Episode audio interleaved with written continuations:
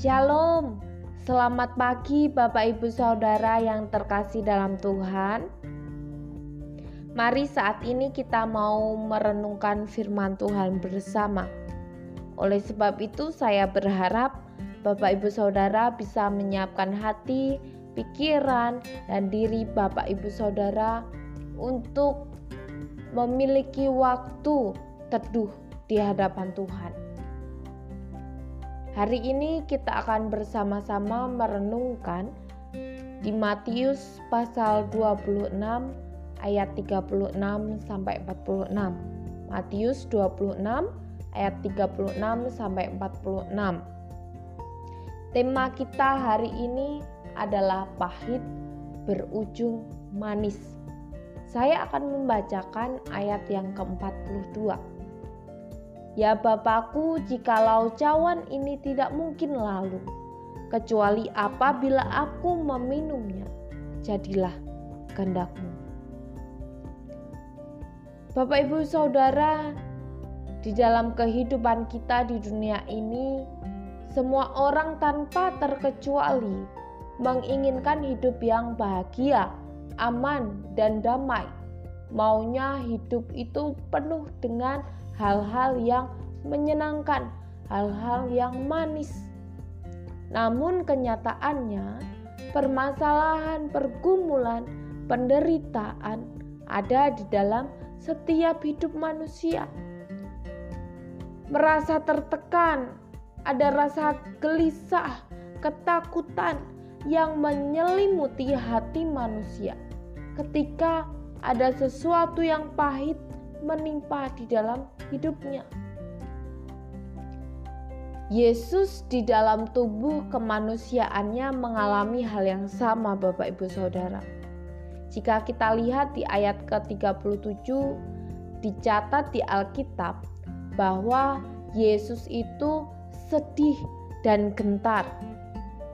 Ayat yang paralel dalam Injil lain dicatat di Lukas 22 ayat 44. Yesus sangat ketakutan. Di Markus 14 ayat 33. Yesus sangat takut dan gentar. Nah, Bapak Ibu Saudara, melalui ayat-ayat ini dapat dilihat ya bagaimana perasaan Yesus saat itu. Yesus itu tidak hanya sedih, tetapi juga takut di ayat yang ke-38 Yesus mengatakan bahwa hatinya sangat sedih seperti mau mati rasanya. Demikian pula yang tertulis di dalam Injil Markus. Bahkan kalau kita lihat Yesus sampai berdoa tiga kali dengan doa yang sama. Lukas 22 ayat 44 menggambarkan kesangat ketakutannya Yesus dengan kata agonia dalam bahasa aslinya ya untuk menggambarkan bahwa Yesus itu sangat menderita secara batin dan kemudian juga Lukas menjelaskan bahwa peluhnya atau keringatnya itu menetes seperti titik-titik darah. Nah, oleh sebab itu, Bagian ini dapat dikatakan merupakan pergumulan yang berat yang harus Yesus alami dalam tubuh kemanusiaannya. Mengapa Yesus itu bukan takut mati, tetapi Yesus dalam tubuh kemanusiaannya takut karena ia harus mengalami peristiwa yang pahit yang digambarkan sebagai cawan di dalam doanya. Istilah cawan ini sering kali dikaitkan dengan murka Allah atas dosa umat manusia. Dan Yesus mengetahui persis apa yang akan ia hadapi ketika ia menyerahkan nyawanya, yakni ia akan menghadapi murka Allah atas dirinya karena ia sedang menanggung dosa seluruh umat manusia yang membuatnya terpisah dengan Bapa.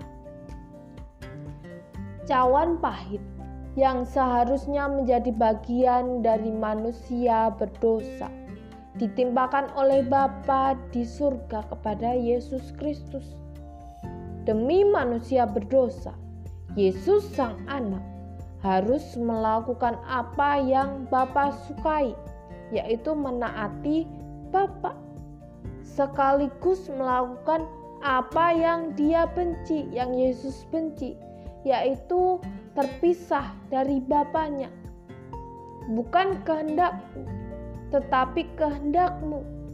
Ini menunjukkan adanya ketundukan Yesus sang anak kepada sang Bapa. Keterpisahan Yesus dari sang Bapa menjadi cawan pahit yang amat sangat mengerikan bukan karena penyalipan, bukan karena cambukan yang menyakitkan, mahkota duri, paku ataupun tombak yang menusuknya di kayu salib, atau olok-olokan atau ejekan, tetapi karena keterpisahan dari sang Bapa. Yesus harus mengalami peristiwa yang pahit supaya peristiwa yang manis dapat dirasakan dan dimiliki oleh semua orang yang percaya kepadanya. Pentingkah peristiwa di Taman Getsemani bagi kita, Bapak Ibu Saudara? Tentu sangat penting. Sebab di situ ada keputusan yang sangat penting yang Yesus ambil yang menyangkut hidup manusia. Jika ia salah dalam mengambil keputusan, maka tidak ada pengharapan bagi umat manusia untuk diselamatkan.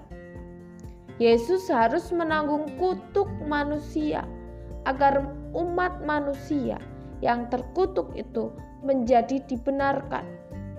Yesus harus mati demi manusia, mendapatkan hidup yang kekal. Bapak, ibu, saudara, Sudahkah kita bersyukur atas keputusan yang Yesus ambil di Taman Getsemani? Apa yang sudah kita lakukan sebagai wujud ucapan syukur kita kepadanya? Menjelang Jumat Agung dan Paskah, mari kita semakin menyadari akan pengorbanan yang Yesus berikan kepada kita semua. Peristiwa yang pahit harus Yesus alami supaya kita mendapatkan sesuatu yang manis yaitu hidup yang kekal bersama dengan Bapa di surga ketika kita sungguh-sungguh percaya kepadanya. Biarlah firman Tuhan ini membuat kita semakin cinta akan Tuhan karena kasih yang begitu besar di dalam kehidupan kita. Amin. Tuhan Yesus memberkati kita semua.